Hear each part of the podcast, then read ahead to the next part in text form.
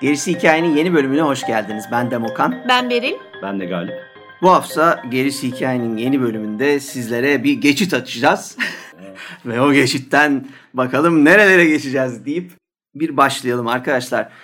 Bu hafta işin sinema tarafından Hellraiser konuşalım dedik. Beraberce Clive Barker'ın Hellraiser'ın sinemadaki yansımasını o geçitten içeri bir geçip nereden başlamış, nereye gidiyor bir konuşalım. Biraz Cenobite'lar, biraz geçitler, cehenneme bir yolculuk. Buyurun Hellraiser'a. Arkadaşlar filmi tabii ki sürpriz bozanlarla konuşacağız. Spoilerlı olacak. En azından birkaç tane izlemeye çalışın bence. Ondan sonra dinleyin bizi.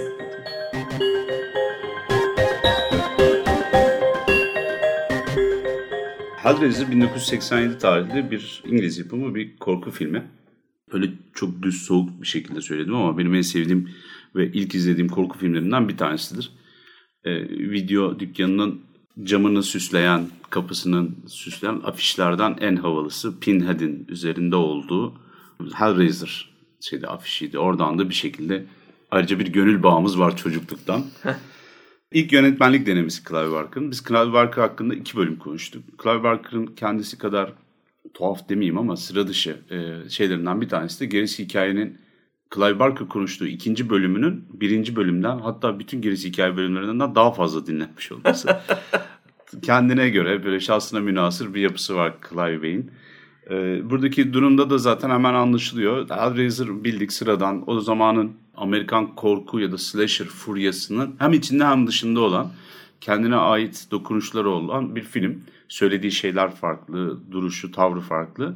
Ama işte hani kitabını da eğer okuduysanız Clive Barker'ın kalemine de aşinaysanız aslında şaşırıyorsunuz. Çünkü Hellraiser aslında o sevdiğiniz eski Hellraiser aslında o kadar da eserin alındığı kitaptan hani çok fazla bir şeyi sinemaya taşıyamamış bir film.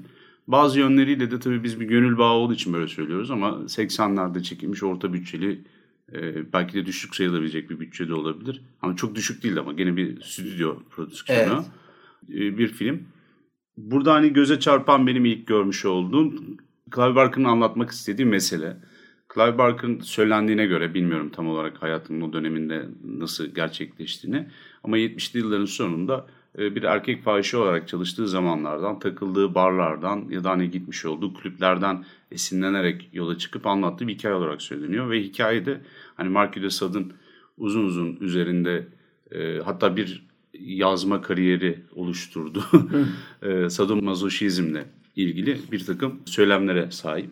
Acı ile zevkin arasındaki o ince tülden, perdeden bahsediyor ve belki de felsefi bir tartışmanın yanlış anlaşılmış bir versiyonu gibi bugün görülebilecek bir şeyden bahsediyoruz. Acı ile öğrenmek belki anlatılabilir hmm. orada diye söylenir. Yani tecrübe etmeler üzerine bir şey olabilir. Bu çok tartışılan bir konu ve çok da mainstream bir şeyde göremeyeceğiniz bir e, konu. Kaçınılmaz olarak da kitapta yazabildiğini mesela Clive Barker sinemaya aktarırken kendisi de bir takım sansürlerde bulunmuş. Bunu zaten hemen anlıyorsunuz. İkinci olarak şöyle bir şey var. Kitabın yaratmış olduğu hissi filmde çok yakalayamıyorsunuz. Çünkü e, unuttuğumuz bir tane şey oluyor. Bir tane sahne var mesela. Frank amcanın kanla temas ettikten sonra dirildiği sahnede sadece yani kanın tahtaya düştüğünü görüyorsunuz ama aslında o tahtada kitapta anlatıldığı üzere Frank'in Cenobite'larla tanıştığı zaman zevkten vücudunun o salgıladığı spermi tahtanın üzerine yayılmış vaziyette ve kurumuş. Kan onun üzerine düştüğünde adeta bir çocuk gibi Doğuyor. yeniden oluşmaya başlıyor ve doğuyor gibi bir hikaye var. Bunu kitapta anlatıyor tabii işte. Bakın ben de anlattım çünkü ben de kitap e, orijinali olarak gelip bakıyorum. Ama filmde öyle bir şey yok. E, kitaptaki Rory karakteri, şeydeki Larry karakteri filmdeki elini kesiyor ve hani o kan yere düştüğü için adeta binanın bir canı varmış bu Frank'mişçesine o canlanma işlemini başlatıyor. Mesela orada bir kafanızda bir şey eksiklik oluyor gibi düşünebilirsiniz ya da bir plot ol gibi. Buna benzer şeyler var. Bazı yerlerde de tabii ahlaka mugayir olduğu düşünüldü ya da perdede doğrudan kocaman bir perdede anlatılamayacağını düşündüğü bazı sahneleri çıkartmış ama Hellraiser 1'in e, kopmayan bir şey var. Bunu kitaba da e, kitaptan yansıyan güzel bir duygusu var. O da oradaki cinsellik ve arayış mesela o çok kaybolmamış.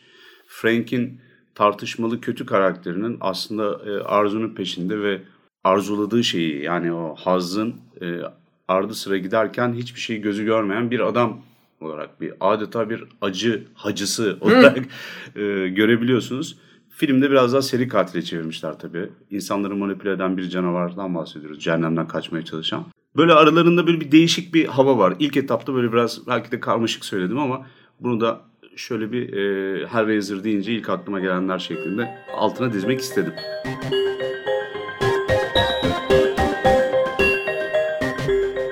Şimdi Hellraiser'ın bir kere korku temalarının bir kolajı olduğunu da e, belirtmek gerek. Çünkü içinde pek çok unsur e, taşıyor. Farklı unsuru hikayenin içine e, yedirmiş ve güzel de yedirmiş hı hı. E, işin açıkçası. Bunun en başında gotik var. Ambiyans olarak e, aynı zamanda bir evin içinde e, gerçekleşen bir korku. E, aslında romanda daha çok bu ama filmde de görüyoruz bunu. Yani çok kullanılmamış. İşte Frank'in kaçışı kaçış e, evi olarak hani elde tuttukları bir yer ve e, filmde de görülüyor. İşte köhneliği, işte e, çok işte yeni olmaması, çok temiz olmaması, birazcık hani karanlık ve nemli bir havası olması vesairesi. Bunlar hep gotiye atıf Doğru. aslında ki filmin içinde de yani serinin aslında tamamında da bu gotik havayı bir şekilde koruyorlar. Çünkü zaten yaratılmış olan yeni canavarların da böyle tuhaf bir gotik havası var. Tabii. Bunun haricinde ikinci olarak da domestik korku dediğimiz aile içinde korku. Yani ailenin dış görünüşte çok iyi işleyen bir yapısı olması ve aslında alt tarafında korkunç şeylerin cereyan etmesi gibi. Tabii bizim e, hikayemizde bu kadar mükemmel bir aile değil. E, gene ilişkileri sallantıda bir aile görüyoruz ama yine de bir aile sonuçta ve bu ailedeki korkunç sırları mı diyeyim hem korkunç sırları, arzuları işte bunların şeytani taraflarını görüyoruz ki bu da bir aile bireyinin diğerine karşı oluşturduğu tehdidi ortaya koyuyor. Bu da zaten domestik korku dediğimiz şey. Evet. Yani evin içindeki işte canavar baba veya canavar anne veya canavar çocuklar, kardeşler vesaire veya işte e, komşusuydu vesairesiydi. Yani hmm. aileyi tehdit edebilecek yakın unsurlar, kendi içinden unsurlar, yakın arkadaşlar vesaire gibi bunlar hep domestik korkuyu oluşturuyor. Ki buna örnek işte Rosemary'nin Bebeği var, e, Omen var. E, bunun gibi filmler hep domestik korku aynı zamanda. Şöyle bir ekleme yapabilir miyiz peki? Yani bu domestik ya da aile üzerinden tanımlanan korkuda aile bağının sanıldığı kadar kuvvetli olmadığı ya da aile birliğinin tehdit altında olması gibi bir konu söz konusu olabilir mi? Çünkü burada bir aldatma da var işin içerisinde. Frank e, yengesi Julia ile birlikte oluyor ve aynı zamanda da hani söyledikleri gibi hani verilmiş bir söz var sonuçta evli bu insanlar. Ama sonuçta e, ortada bir söz olmadığını da görüyorsun. Bir yandan bunda bir korkusu var. Bir de Frank zorba bir adam. Yani bu bahsettiğin şeyde tabir olarak bütün şeyi kendisi üzerine çeken, işte dilediğini yapan, yapmaya eğilimli ve diğerlerini umursamayan kötü bir şey. Yani bir... Ailenin zaten kara koyunu ayrı bir de normların çok dışında bir adam. Yani bizim ülkemizde de evet tabu olarak kabul edilen şeyler vardır ama yabancı ülkelerde bu mesela başka bir ülkede bu gayet normal sayılabilir ama Hı. bütün evrensel olarak yani evrensel demeyeyim de işte global olarak tabu sayılacak bir şeyin ötesine geçmeli, geçmeye çabalayan bir figür var karşımızda. Evet, yani tatmin olmamış bir ruh bir yandan da çünkü hani Evet. Tipini mipini de Marquis de Sade'a ben benzettim mesela Hı. filmi alırken. Edonist zaten yani evet. değil mi? Evet. E, çünkü şeyde veril mesela gene kitaptan örnekle söyleyeceğim. Hı. Kitapta bu kadar Uncle Frank dediğimiz adam ikonik bir seksi bir karakter haline getirdiler 80'larda 90'larda o tipi. Ya o kadar baskın işte seksüel maço vesaire gibi bir adam gibi hatırlamıyorum ben. Daha çok bir araştırma zevkin peşinde falan bir kişi olarak ya da ben okurken o tarafını hissetmemiştim. Ama filmde gözünden kaçmayacak bir şekilde. Bir kere şu da var. Yani Frank aslında bütün aileyi tehlikeye sokuyor ve bütün aileyi tehdit ediyor. Evet. Bir kere tabii filmden bahsediyorum. Ben kendi yeğenine karşı e, seksüel arzu duyan bir adamı görüyoruz. Doğru. Onun ötesinde zaten her şeye karşı seksüel arzu duyuyor. Yani onun da ötesine geçmeye çalışıyor ki bu da bütün aileyi zaten hani sallantıda olan işte bir şey var. Bir e, zina var işin içinde. Aynı zamanda e, kardeşlerin arasında bir gerginlik var bundan dolayı. Her ne kadar bilmese de hissedilen bir durum var. Ondan sonra işte üvey kızın ki bu da filmde, e, kitapta farklı türlü ama kızın hem özgür hem aileye karşı babasını ne kadar çok sevse de işte üvey annesine karşı duyduğu şey nefret, kıskançlık. Hı hı. Bir kere e, ya da kız, tam kıskançlık da değil de tabii doğal olarak kendi yerinin alındığını hissetmesi ya yani tehdit babayı e, paylaşamamak gibi değil mi? Aynen öyle babayı paylaşamamak. Hı hı. Tüm bunlar zaten aileyi sallantıya sokmuş. Hı hı. E, bunun üzerine de Frank'in işte bu peşinde koştuğu şey hı hı. bütün korkuyu evin içine taşıyor. Evet. Slasher var. Tabii ki onu kesinlikle reddedemeyiz. Ama bu filmin hani tam manasıyla slasher'a yüzde yüz uymadığı yerler var. Yani katili olsun işte e, özellikle katil figürü veya seri katil figürü. Buradaki seri katil figürü birazcık daha farklı. Aynı zamanda işte bu son kız dediğimiz şey. O birazcık daha farklı. Onu ileride daha detaylı konuşuruz. Slasher tar- e, kısmını. Uygun. Hani o e, janrayı bu filmin içinde konuştuğumuz zaman onu daha detaylı açarız. Tabular var bir kere. Bu hmm. çok önemli. E, işin hem dini kısmı var hem de sosyal kısmı var. Bu açıdan çok iyi yedirilmiş. Yani tabusal korkuyu e, buraya kesinlikle yerleştirmiş. Aynı zamanda da e, tabii ki yeni canavar konusu var. Hikayenin en büyük özelliği ve en önemli özelliği yeni tür bir canavar oluşturması. Daha doğrusu canavar nesli oluşturması ya da türü oluşturması diyelim. Irkı hatta. Doğru, doğru. Yani ki e, bunu da Sena White'lar kısmında konuşuruz detaylıca. Çok yani diğer pek çok canavardan farklı, insana birazcık da büyüleyen bazı özellikleri var. Ee, neden bu kadar çok izleyeni, neden bu kadar çok seveni var hı hı. E, konusu da tam anlamıyla bu Cenobite'ların şeyinde toplanıyor, altında toplanıyor aslında. Bu beğeniyi oluşturan bu yaratıklar.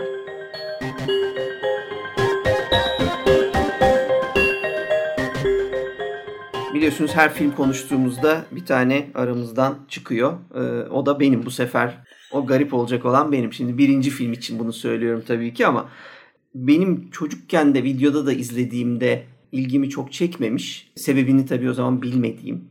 Ondan sonra da ama yetişkin hayatımda izleyip beğenmediğim ve Clive Barker konuşacağımız zaman ister istemez o 6. sezon muydu? O ara bir kere daha izleyip yine beğenmediğim. Şimdi de bunu konuşacağız diye bir daha izleyip yine beğenmediğim e, bir film var ortada. Israrla beğenmiyor yani. Beğenme ihtimali Keşke şunun için ama bu çok net. Bu mesela son izleyişimde artık iyice çözdüm. Ama filmden bahsediyorum yanlış anlaşılmasın. Enfes bir evren var. İşte sen o White'lara geleceğiz gireceğiz. Konu bu şey e, iblis meselesi, açılan kapılar, hikaye hikayeyle ilgili bir şey söylemiyorum. Clive Barker'ın o ilk denemesi olmamış arkadaşlar. En önemli problemi filmin bu. Tamam mı? Yani yaptığı işte kalsaymış iyi olacakmış bir yönetmene verseymiş. Şimdi tam o arada bir soru sor, soracağım sana. Kim yönetseydi çok iyi olurdu. Yani birincisi Clive Barker hariç herhangi bir yönetmen. Herhangi. Çünkü daha sonraki filmlerde göreceğiz herhangi yönetmen meselesini. Kim yönetirse yönetsin daha iyi bir film çekiyor film anlamında. Hı hı. Cronenberg. Yapabilirmiş evet. Cronenberg'den olur. Cronenberg olur. bu işi yapardı. Olur tabii ki. Çok uygun body horror'a birebir giriyor. Şimdi bunu niye söylüyorum? Bir kere yani gerçekten yönetemediği için film maalesef akamıyor. Adam görsel olarak filmde enfes şeyler var. Görüntüler var. Tek tek enfes resimler var dekordu, kostümdü falan böyle zirvede. Cenobite'ların kostümü bir şahane yani. Tabii. En azından bir tasarımcı olarak bunu belirtmek isterim. Yani onun dışında da değil mi filmin içinde ışıklar, yani görüntü yönetmeniyle ilgili bir problemim yok. Enfes ışıklar var. kamera hareket etmediği sürece ya da yani hani sabit bir yani böyle tek alanda pan, tilt falan yapıyorsa kabul edilebilir ama o hareketler enfes görüntüler var. Fakat eğer hafifçe bir hareket gerekiyorsa montaj gerektiği yerde ayvayı yemiş. Büyük ihtimalle yönetemediği için.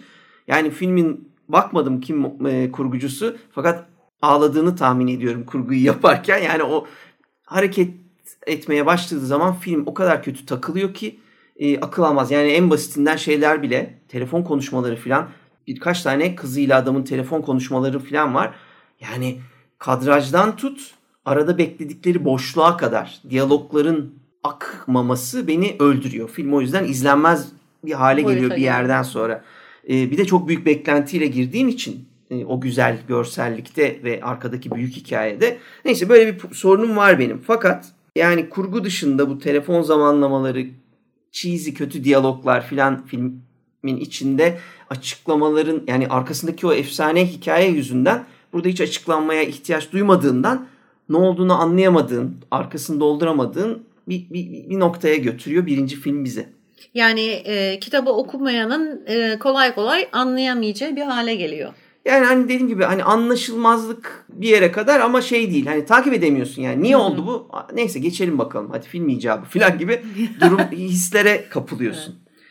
Bu beni zaten çok korkutmuştu. Çünkü seyrettiğim bir seri değil Hellraiser. işte ilk filmi sevmeyince ondan sonra da takip etmediğim bir seri. Fakat çalışırken gördüm ki neyse ki daha sonra Clive Barker filmleri yönetmediği için üçüncü filmden itibaren daha iyi filmler var. Evet. Şimdi eğer IMDB'ye bakarsanız öyle değil ama Yani sinema manasında sinema anlamında daha evet toplular yani. kesinlikle daha iyi filmler var.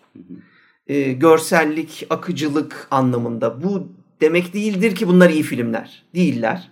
Yani oradaki şeyler IMDB skorları e, çok yanıltıcı değil. Fakat en azından bir akıcılıkları var. Yaptıkları iş. Yani o senaryoya rağmen bu diyaloglar ve e, ilişkiler anlamında söylüyorum işte açıklamadan ilerleyen e, birbirine bir türlü bağlanamayan bin tane şey var. Çünkü o kadar büyük bir evren ki küçücük bir hikayede yani olmuyor gerçekten olmuyor. İkinci sınıf böyle B klas yapılacak bir iş değilmiş bu. A klas yapılması gereken bir işmiş. Ben hep öyle düşündüm. Ee, bunun sonucu olarak da ama dediğim gibi ikinci film daha iyi. Kesinlikle. Üçüncü film yine kabul edilebilir. Birinci filme oranla söylüyorum. Anladım. Yanlış anlaşılmasın. O- Ama o dörtten sonra iş karışıyor. Yine de elimizde böyle bir film var ve bu film bizlere çok büyük bir hikaye anlatıyor. Onu bir anlayalım. O büyük hikayeyi de zengin görsellerle anlatıyor.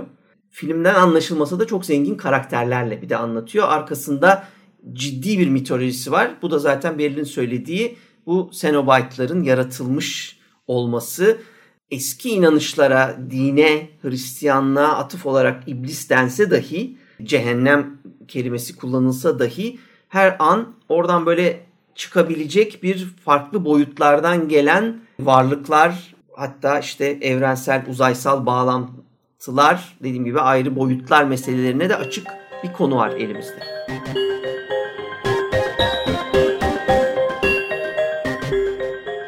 İster istemez dönüp dolaşıp Clive Barker'ın kendince epik fantazi olarak tanımladığı ama aslında bakarsanız urban fantasy ve çok yüksek seviyede de gotik olan bir e, hikaye altyapısından bahsediyoruz. Yani bir novella İtaki yayınlarının Cehennem Yürek olarak galiba çevirmişti. Hellbound Heart kitabı. Çok da uzun bir kitap değildir zaten. Yani 150 sayfa falan galiba. O kitabın içerisinde anlatılan dünya aslında kendi içerisinde derli toplu. Ama sinemaya bunu aldığınız zaman e, ortada karışan ya da çok soru işareti uyandıran şeyler var. Bir de bazı yerler tabii bu tarafa aktarılırken hani acı ne zevk ne e, neden bunlar merkeze alınmış, niye bu kadar önemli falan gibi kısımlar çok tarif de edilemediği için yani görsel ya da işte ses bağlamında, ışık olarak ya da karakterlerin ruhunda bu taraflar tanımlanmadığı için biraz havada kalıyoruz. Ve diyoruz ki yani çok zengin bir dünya, Cenobite'lar şunlar Evet. bunlar. Bu tam olarak aslında Urban Fantasy'nin çok severek yaptığı, uyguladığı şeylerden bir tanesi o. Büyük dünya kurmak. Hepimiz bu tarz yazdık biliyorsunuz. Ve burada da Berlin'in söylediği o gotik unsurlar muazzam derecede kullanılmış. Ve şeyi de görüyorsunuz. Cenobite'lar aslında bakarsanız geçmişin karanlık tanrılarından hallice yaratıklar. Ve e, bu da çok güzel bir hani gotik bölümünde de bahsettiğimiz o çarpıcılığı yaratıyor. Karşılaştığın zaman onun görkemi altında izliyorsun mesela bu Cenobite'ların. Ve sadece bedenlerine zarar verdikleri için, acı çektirdikleri o kancalar için değil. Hani onların varoluşları bile çok büyük bir tehdit. Bir insan bilinci ruhu için. Şey diyebilir miyiz? Yani bana şey hissi verdi. Demigod. Yani yarı tanrı e, hissi verdi. Zaten Enteresan hani, bir şekilde. Neden nedenini bilemiyorum. Çünkü sonuçta bunlar hani diyoruz ya biz yani yaratık yani tamam iblis ama e, bizim anladığımız anlamda iblis değiller. Çünkü onu da konuşacağız Cenobite'lara e, tam giriş yaptığımızda. Fakat nedense bana verdikleri his o yarı tanrı yani e, daha farklı. iblis tanımından çok daha farklı bir şeydi. Zaten kendilerini filmde bir sahnede şey olarak tanımlıyorlar. Yani kimi cin der, kimi melek ya da hani demon olarak tanımlar diye anlatıyorlar. Yani e, onlarla karşılaştığın ya da onlardan ne istediğine bağlı olarak değişiyor olabilir. Cenobite'ların da pek şeyleri yok. E, Ki afları orada- yok yani. Ki orada bir ekleme yapar. Mesela o şey demons to some, Hmm, e, angel. angels to some Aha. dediği şey aslında yani kimi için iblis, kimi için melek aslında hani belki o şeyi aramayan yani o zevki, o zevk ötesi şeyi istemeyenler için iblis Hı. oluyorlar ama o zevki isteyenler için melek oluyorlar. Evet. Ya da gibi. ne istediğini bilmeden çağırıyor. Yani E, işte tabii. La Marchand e, şeyini o puzzle kutusunda da La Marchand Configuration Rubik küp gibi bir şey zaten Tabii. o küp Hı. kutu. İşte hani o kutuyu ele geçirdin mesela kendin özellikle şey istiyorsun. Yani dünya üzerindeki bütün zevklerin en üstünde bir zevkten bahsediyoruz falan diyorlar. Çünkü hani kitapta en azından geçen. Frank o yüzden hani bunun peşine düşüyor ve neyle karşılaşacağını bilmiyor. Yani karşısında çok güçlü yaratıklar ya da yaratık da değil. Çok büyük bir haz beklerken hani kendisi için yüksek bir şey belki bir melek beklerken atıyorum bir anda demonlarla karşılaşıyor ve meleğin üstüne çıkmış seviyede yüksek şiddetli bir arzu acı şeyin selinin altında kalıyor. Bütün hikayenin girişinde hatta çok tatlı bir şey var. Çıldırıyor resmen acıdan zevkten vesaireden böyle anlatıyor onları sayfalarca. On- Ondan sonra da diyor ki işte hani bizim bu lady'miz kadın başlayalım mı diyor şey Frank'e. Lan falan deyip kalıyorsun ondan sonra. Burada bir iki saattir ne konuşuyorduk? Orada mesela şu var. Mesela gotik unsur dedik ya. Frank'in gidip işte bir satıcıdan o kutuyu alması. Hmm, Yani diyor. yani o, o oryantal bir yerden bir Evet. e, nesne alıyor. Hı hı. Lanetli bir nesne alıyor. Bu da mesela gotik bir unsur. Hı hı. Onun haricinde mesela o verdiği parayı alacağı zevke karşılık ödenmiş bedel kabul ediyor. Halbuki daha fazla bedel ödemeden çok büyük bir zevk alabileceğini düşünüyor. Hı hı. Elde edebileceğini düşünüyor. Ama tabii ki bedel istenen bedel çok daha farklı. Doğru. Bir de Evet. şey, şey tarafını da söyleyelim. Şimdi God demigod nerede ayrılıyor? Tabii güç oranları ve düzeyleriyle ayrılıyor. Biz cehennem bölümünde mi? Nerede? Meleklerde falan galiba. Uzun uzun anlatmıştım ben bu Spinoza'nın tanrısı gibi. Şey denklemi var ya Omni serisi var dört tane. İşte kaderi mutlak. e, Ondan sonra her şeyin e, Her an her yerde her bulunabilen, yerde bulunabilen, her şeyi görebilen. her şeyi gücü yeten, e, her şeyi algılayan ve algılayan, her şeyin üstünde Omni serisi.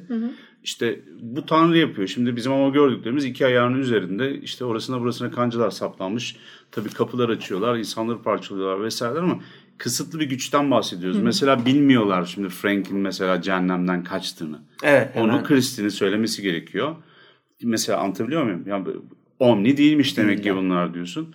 En fazla bir takım şeylere, güçlere sahip olan e, insanüstü yaratıklar gibi söylüyorsun. O da hani demigod, demigod şeyini de oluşturuyor. Bir de tabii filmin bence en önemli taraflarından bir tanesi Bob Key'nin inanılmaz efektleri. Evet. Yani o görsel efektler bilmiyorum İngiliz, İngiliz sineması o kadar güçlü müydü bu konularda özellikle korkuda vesairede. Bunlar daha klas böyle ya da Hammer tarzında takılırlar. Evet. Müthiş bir şey e, bir efor var orada ve efektlerin hepsi neredeyse çok iyi. Evet. Efektler kesinlikle filmin en iyi şeyi yani. Yani ve uzun uzun bir de hani Clive Barker'ın en büyük artısı o bence gücünü. Hani burayı keselim falan dedikleri yerlerde bir iki tane sevişme sahnenin ikisini kestirmişler buna. Ya da hani vahşet sahnesini ama yani efektle o dirilme ilk önce kemiğin oradan çıkması iki tane kolun biz anlamıyoruz örümcek gelecek zannediyoruz. Daha sonra orada bir beyin oluşmaya başlıyor. Beyne küt bağlanıyor omurga falan. Uzun bir sekans var. Stop motion falan olabilir ama yarı robotik. Çok ciddi bir emek var. Ve şimdi mesela yapsan e, kesinlikle ikna etmez izleyiciyi öyle bir sahne. Çok büyük paralar döküp CGI ile yapman gerekecek şeyler. Evet evet. Şimdi tabii bizim söylediklerimiz aslında ilk dönemi izleyen ya da bizim nesle daha yakın bir şey bu konuştuğumuz. Tahmin ediyorum e, bugün maalesef hani The Thing'i izlerken gülen e, bir nesil var şu anda. O yüzden e, aynı düşünmeyeceklerdir Tabii. bizimle. Hani Evet. onlar o efektleri tercih edecektir ama açıkçası ben de hani bu FX ile yapılacağını, FX'in hani e, bilgisayarla yapılacağını bu şekilde yapılmasından ben de yanayım. Bence birazcık açık zihinlerle izlemelerinde fayda var gençlerin bu bu tarz filmleri. Şimdi bu iş neden burada önemli? Clive Barker'dan başka bir iki tane daha böyle hani e, yazarın çalışmalarında bu çalışır. Çünkü hani organik bir korkudan bahsediyoruz. İnsan bedeni üzerinden Evet. tanımlanan bir korkudan da bahsediyoruz. Kozmik bir korkudan da bahsediyoruz bir yanda. Ve kozmik korku göklerde gerçekleşmiyor onun efekti, etkisi. Hani Lovecraft şeyinde olduğu gibi parçalanan bedenlerden falan bahsediyor. Da biçimsiz e, yarı tanrı gibi. Böyle hep biçimler üzerinden insan gözüne yaklaşan şeyler var. E, bu hikaye kanlı, irinli, pis, idrarlı, böyle dışkılı falan şeyler. O yüzden o tahta şey üst kata onun zeminine gidiyor mesela oradaki efektler. Evet. Ve CGI'de ne kadar istesen de bu kadar etrafı batıramazsın gibi geliyor.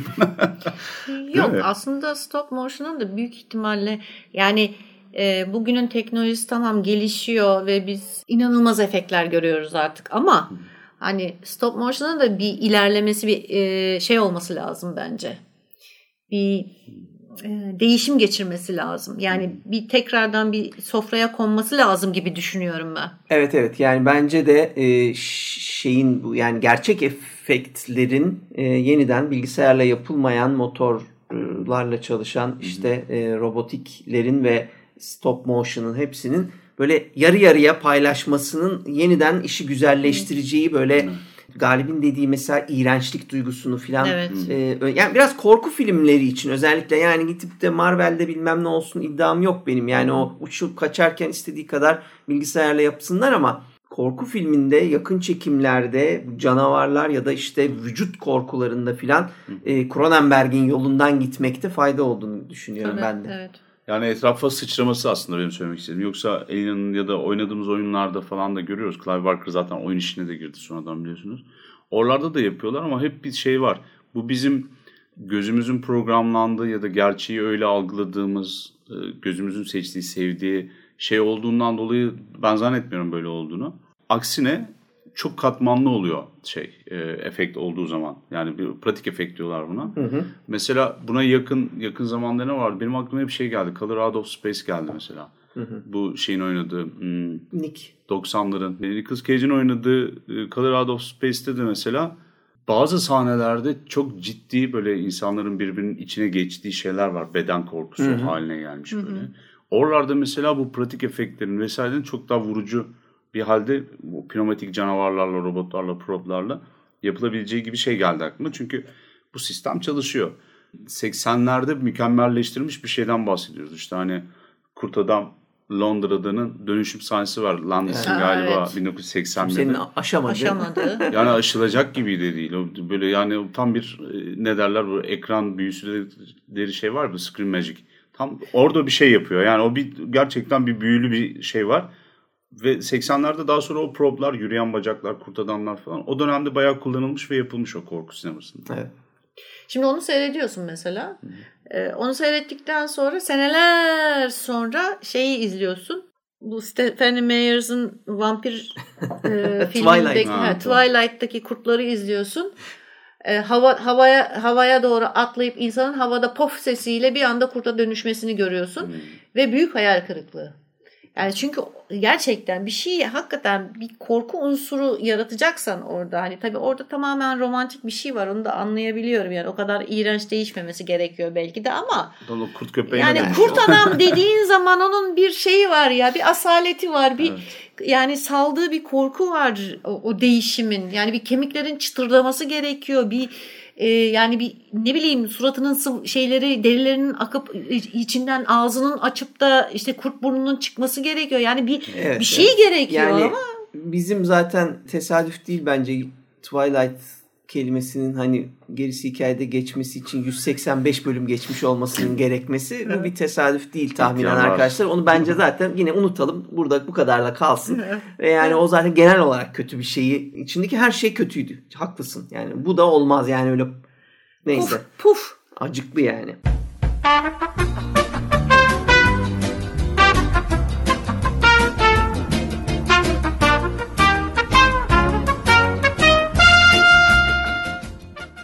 Ev tarafında da bir şey görmek gerekiyor ya. Şimdi nerede geçiyor bir hikaye arkadaşlar? Bir söyleyeyim bakayım hadi. Nerede geçti? Hangi ülke bu? Hangi tamam tarihi biliyoruz da. Ülkesiz. Ülkesiz duruyor. Çünkü neden? Aslında hikaye İngiltere'de geçiyor. Hikaye hem film de İngiltere'de geçiyor. Yapımcılar da İngiliz. Ama özellikle mesela İngiltere'de geçen bir filmde neyi beklersin? Eğer çok İngiliz değilsen, izleyici tamamen İngilizlere hitap edecek şekilde değilse ikonik bir şey beklersin değil mi? Yani İngiltere'nin köyünde de geçse bir ufak tefek oralı olduğunu bir, bir şekilde gösterir, belirtir bir şey beklersin mesela. Burası resmen böyle bir sanki e, İngilizce konuşan ve bulutta bir bulutta yani gökyüzünde kendi halinde duran her şeyin yakın yakın çekildiği ve MTV kliplerinden hallice sonunun falan olduğu böyle ateşler yanıyor vesaire ve kimse karışmıyor. Polis nasıl giyiniyor falan. Bu aslında Amerika gibi Amerika, görünüyor. Evet kesinlikle Amerika gibi görünen bir Konuşanlar da ortam. Amerikalı. Amerikan aksan İngiliz değil. Yani öyle bir şey yok. İlk bakışta öyle düşünüyorsun zaten. Yani Öyle İngiltere'de- çekmişler ama zaten. Öyle da çekmişler. göz kırparak yapmışlar. Evet, Aynen öyle. Ama yani sonuç itibariyle hiç İngiliz de değil ve hiç dememişlerdi mesela. Bu da çok tuhaf bir zamansızlık yaratıyor. Çünkü ev İngiltere'de çok belli. Ev o sevmediğimiz o sıkıcı böyle 80'ler evi gibi duruyor. Bir anda izlerken aklıma şey geldi. Var be dedim yani hakikaten tamam bizim evlerimiz böyle değildi ama bu bildiğin eski müstakil ev tipi falan. Amerika'daki o suburb evine hiç benzemiyor. Yok yok benzemiyor evet. elbiseler, üstler, başlar vesaireler böyle hani gene benziyor ama benzemiyor. Tamam dönemi tutuyor fakat ve biz öyle bir dünyada yaşıyoruz ki hani sen dedin ya biraz önce aile içinde olup bitiyor diye aslında Evet. korku. Hikaye de zaten aile içinde geçiyor. Zaten aile Evet. dışından 5 kişi görüyoruz mesela. Onlar da zaten kişi mi orası tartışılır. Tabii bir tane erkek arkadaş peydah oldu resmen böyle hani beliri verdi adam. İlk önce Ha, ağzıyla evet, sigara evet. numarası yapıyordu. Sonra işte ne dedi cimi mi cimi mi bir şey. Ee, bizim kıza destek olan onu daha sonra hastaneye birlikte kaldırdılar. Çocuk olarak atıyoruz. Sonra da demişler ki hani hiçbir fonksiyonu yok. Çocuğa da yol verelim. Zaten üç tane sahnesi var. Niye şimdi biz buna bu kadar yükseldik falan demişler. Yani böyle bir şeyleri var. İşte bak bu birinin geriye dönüp şöyle demesi lazım. Ya tamam bu çocuğa üç tane şey verdin ama hani olmasa da filmden bir şey gitmiyor. Ya da hani filmin buraları çok şey oldu. Durdu yavaş gitti. Hep aynı yerde dönüyor. Evet. Anlatabiliyor muyum? Bu senaryolaştırma esnasında birinin uyarması gerekiyordu. Bunu bir sinema filmi olarak düşün. Onun amacı var ama oraya koymakta. Yok değil ama bence Clive Barker'ın laf dinlememesi. Yani çok belli. Çözülür yani. Çözülmeyecek yani daha Ya, onu evet, kullanmadan da aynı durumlar yaratılabilir yani. Oğlan ne yapıyor? Bir şey yapmıyor. Yok yok bu yani. oğlanlık bir şey değil. Onun bir yere varmaması sadece. Yani o genel tarafta Sonunda da. da unutuluyor yani. Evet yani şu olsun bu olsun bir defa birini gösteriyor. Daha sonra en sonunda ejderhaya dönüşüp küpü alıp Bir kaçıyor. adam çıkıyor ortaya değil mi? Hani Efendim o baştaki adammış falan. Zaten baştaki adam niye öyle? İşte Frank'in tırnakları niye kirli? Leş gibi belinde bıçakla geziyor böyle. Yeşil çay içiyor böyle Fas'ta. O şey Kuzey Afrika'nın bir çayı var naneyle. Ondan sonra ya bütün bunlarda bir savrukluk var aslında Demokra'nın demek istediği. Bir film Evet olabilmesi evet için. var. Ya, orası kesin. Ama mesela nerede savrukluk yok? Anlatmış olduğu hikayenin yükseldiği böyle vahşi yerlerinde falan bir sıkıntı yok. Korkunç e, efektli sahnelerde falan Evet, evet. tertemiz. Yani oralarda bir şey yok. Bir de dikkat ettim hep saçları böyle önleri açılmaya başlayan adamları getiriyordu Julia öldürtüyordu. O tarafıyla da yani ilk, Kel ilk keller diyorsun. ölür falan. O nedenle slasher sayılabilir yani. Hatta bir tanesi gözlüklü falandı zaten böyle IT Evet. guy'dı. Ama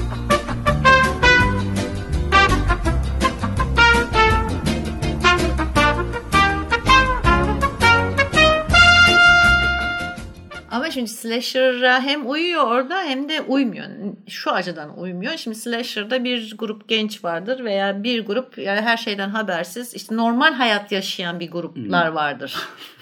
Anlatabiliyor muyum? İşte sevişen ölür gibi bir durum vardır. Veya ilk gözlüklü nerd gider. Evet. Veya işte e, koşamayan şişman gider vesaire. Ya da zenci ölür önce Aha, gibi bir aha. takım şeyliklikleri vardır. Aha.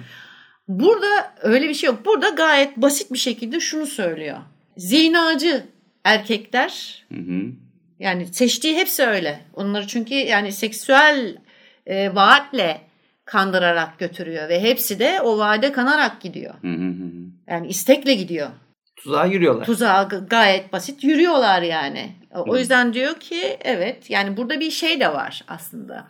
Bir anlamda ufak bir e, cezalandırım hem cezalandırma hem de işte yaptığın ahlaksızlığın cezasını bulması durumu var. Hı. Yani Julia'nın seçtiği şeyler slasher filmindeki gibi her hiçbir şeyden habersiz, yanlış zamanda yanlış yerde bulunan bir e, grup değil ya da bir kişi değil. Yanlışlıkla bir şeyi açıp işte başına bela açan değil. Yani bütün buradaki kurbanlar slasher kurbanlarından daha az masum. İki tane sorum olacak sana o zaman. Birincisi Slasher'da da sevişen ölür ya mesela. Hı hı. Ya da daha sonra daha Ha, doğrusu tabii o var. Şimdi Ha, bu- hem slasher hem değil. Demek istediğim o. Evet, Slasher evet.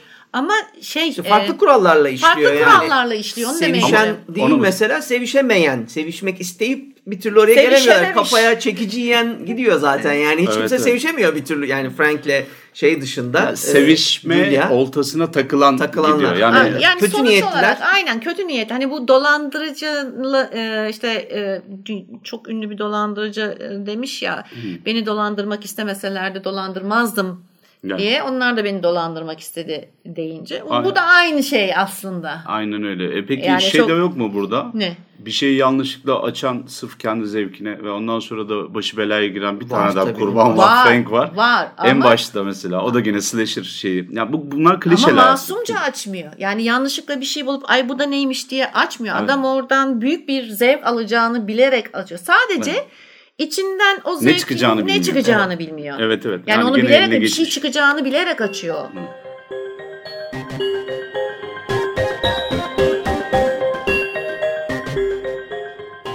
Galip'ten pası alaraktan evle ilgili birkaç bir şey söylemek istiyorum. Şimdi ev bir kere hem görüntüsü hem de içinde barındırdığı gizem sebebiyle e, zaten klostrofobik bir ortam oluşturuyor. Yani film ilerledikçe.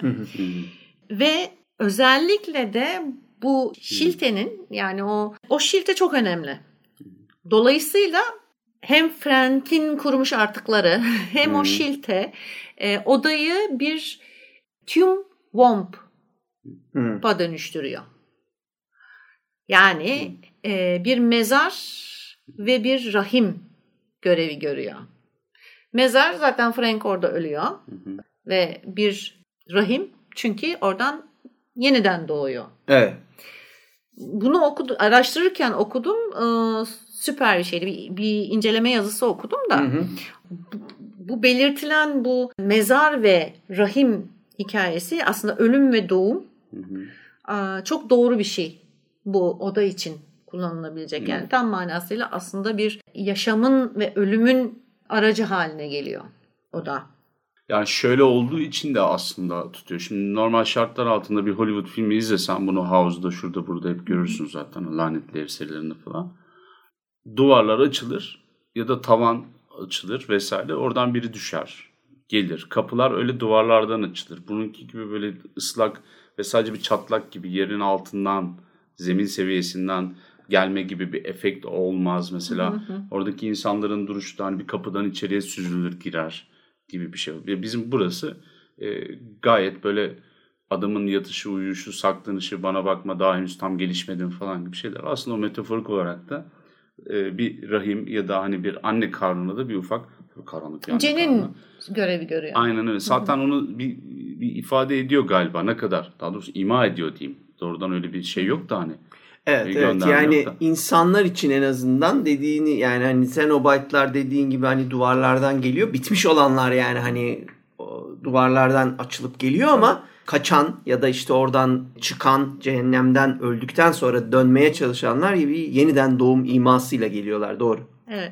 Şimdi e, mesela bir başka şeyde bir yönden bakarsak burada bir ev istilası da var. E, o da tabii ki Xenobite'lar evet okey çağrılarak geliyorlar falan filan ama sonuçta bir ev istilası bu. Tabii canım kovalamaca var Yani evin kovalamaca var ki Frank de bir süre sonra zaten evi istila eden figür olarak ortaya çıkıyor. Evdeki Çünkü sonuçta yabancı. yabancılaşıyor. Yani o onun ölümü tekrardan işte e, beklenmedik e, doğumu ve canavarca kendini yenilemesi onu bir şeye dönüştürüyor. Artık aile bireyinden çıkarıp tamamen bir yabancıya bir canavara dönüştürüyor. Bu Zaten, da evet. evi işgal ettiği anlamına geliyor.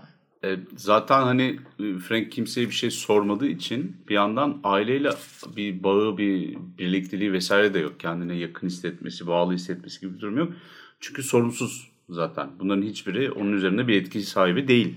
Ölmeden önce sorumsuzmuş da şimdi zaten şu anda onu kelimeyi bulamıyorum onun şu anki cehennemden döndükten sonraki halini. Ama şu var Evet. işte bak mesela orada Cape Fear gibi bir korkudan bahsediyoruz. Bir kedi fare oyunu dönüyor şeyin içerisinde de. Ve bir yandan da hani hapisten çıkan manyak seri katil tipi var orada. Evet. Yani sadece cehennemden gelme falan değil manipüle ediyor. İşte biz ne kadar güzeldik çok iyi sevişirdik hatırlar mısın Julie diyor onu diyor bunu diyor. Kızın da zaten az buçuk bir şey içinde ukde kalmış herhalde. Daha sonra onu manipüle ediyor. Sen işte benim bir tanemsin şuydu buydu falan.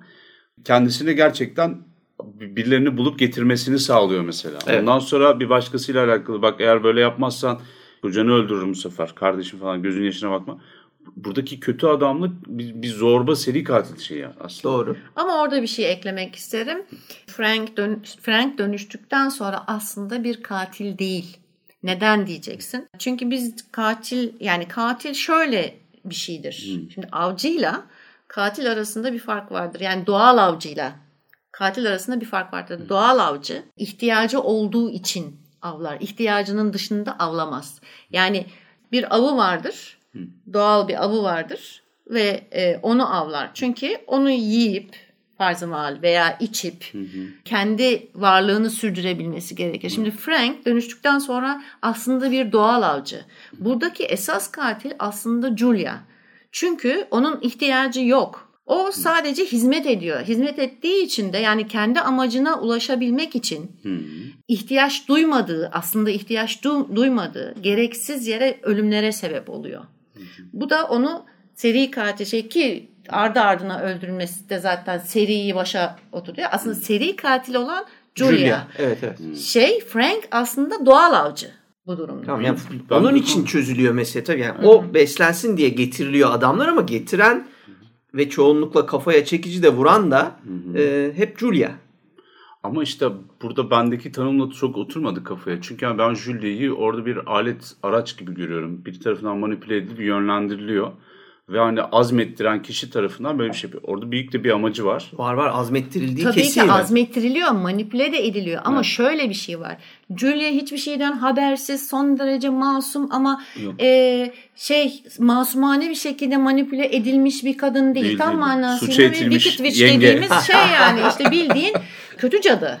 Kötü cadı zaten amacına ulaşabilmek için manipüle edilmeye izin veriyor. Çünkü ya işine gelmese zaten yapmayacak şimdi. Aynen bunu. öyle. Yani masum buraya. değil. Kadın, kadının Evet. anlaşmanın manipüle e, denilebilir. Yani razı. Evet evet biz zaten şimdi Frank'in ortaya çıkışıyla geç geriye şimdi biz önce filmin başında sadece sevilmeyen bir üvey anne görüyoruz. Fakat Frank'in ortaya çıkışıyla anıların e, canlanmasıyla biz geriye dönüşlerle görüyoruz ki zaten ortada ahlaksız bir durum var. Yani daha düğün gününde gelinliğin üzerinde babanın erkek kardeşiyle sevişmiş bir kadından bahsediyoruz biz. Yani orada bir zaten bir acayip bir ilişki var. Ondan sonra da bana yardım et dediğinde tekrar arzuları dolayısıyla coştuğu Evet. için kolayca gidip insanları kandırıp işte çatı katına çekip kafalarına çekici vurup hiç düşünmeden adam öldürebilecek bir kadın var elimizde. Yani e, onu da Ama net bunu görüyoruz. da bunu da doğrudan böyle bir şey değil. Yani ilk hali değil. Onun da bir dönüşümünü görüyorsunuz zaten. Hani ilklerinde zorlanıyor ama üçüncüde sigara yakıyor falan kenarda. Evet. Aynen öyle dönüşüyor. Ama bir obsesyon var. Var, var, var. işin içinde. Evet. Bir obsesyon var ve o obsesyon sayesinde zaten e, dönüşmeye müsait hale geliyor. Yani zaten çok önce bir kere evlilik mutsuz bir evlilik. Neden olduğu anlaşılmıyor. Ya şöyle bir şey. E, hikayeyi de zaten biliyorsun. Evleniyor. Evlendikten sonra abisini görüp e, yanlış kişiyle evlendiğini yani daha doğrusu e, daha zayıf olanla evlendiğini fark ediyor. Evet, daha havalı olan Daha havalı olan abi çünkü. Ve o şekilde zaten ilişki kuruyor. Yani adamla yatıyor vesaire falan filan. Böyle bir dinamikte zaten ahlaki değerleri e, eğilip bükülmeye son derece meyilli bir kadından bahsediyoruz. Bir de obsesyon eklenince üzerine. Zaten çok da zor olmuyor manipül. Yani diyor ki evet gel beni manipüle et. Yani sadece benden istemen yeterli gibi bir durum söz konusu oluyor. Evet. Ama işte normal şartlar altında böyle davranmıyor bu vatandaş. O Frank'in e, evet evet bir hafta önce düğünden bir hafta önce gelip baştan çıkartması var dev bir şekilde. Hani kadın ama bir yandan da ben ona hep şey görüyorum. Genç yaşta kendinden yaşça büyük biriyle evlenen birazcık daha böyle hani e, genç ve tecrübesiz bir kadınmış gibi. İlk izlediğimde öyle algılamıştım. Sonrasında da o oturuyor zaten ilerleyen yerde. Ama Bir de şey ortada var. şey var ama ya Frank'in hani o duygusuz ya da kimseye bağlı olmayan o kötü adam tavrı var. Ama bak o da çekici işte kadın için. E. Çünkü şu var. Yani evet başta zaten kara koyun olduğu için ilgisini çekiyor. Yani normların dışında belli e, standartların üstünde olarak görüyor adamı. E, Hayat bir de dolu bir de görüyor ya bir arkadaş arkada cehennemden çıkıp yeniden doğuyor. Adamın taşıdığı güce baksana adam tekrardan hayata geliyor. E, Julia'yı kandırabil yani Julia'nın kanmasının sebeplerinden bir tanesi de o güç aslında. Tabii tabii. Doğru söylüyorsun. Ama işte hani Julia da gidip kankasının omzunda ağlıyor mudur acaba? Ben niye böyle itlere serserilere tutuluyorum? Tamam sen yazdın şimdi. Her geçen Evet, sefer ben yok, yazmıştım. yok, yok. şimdi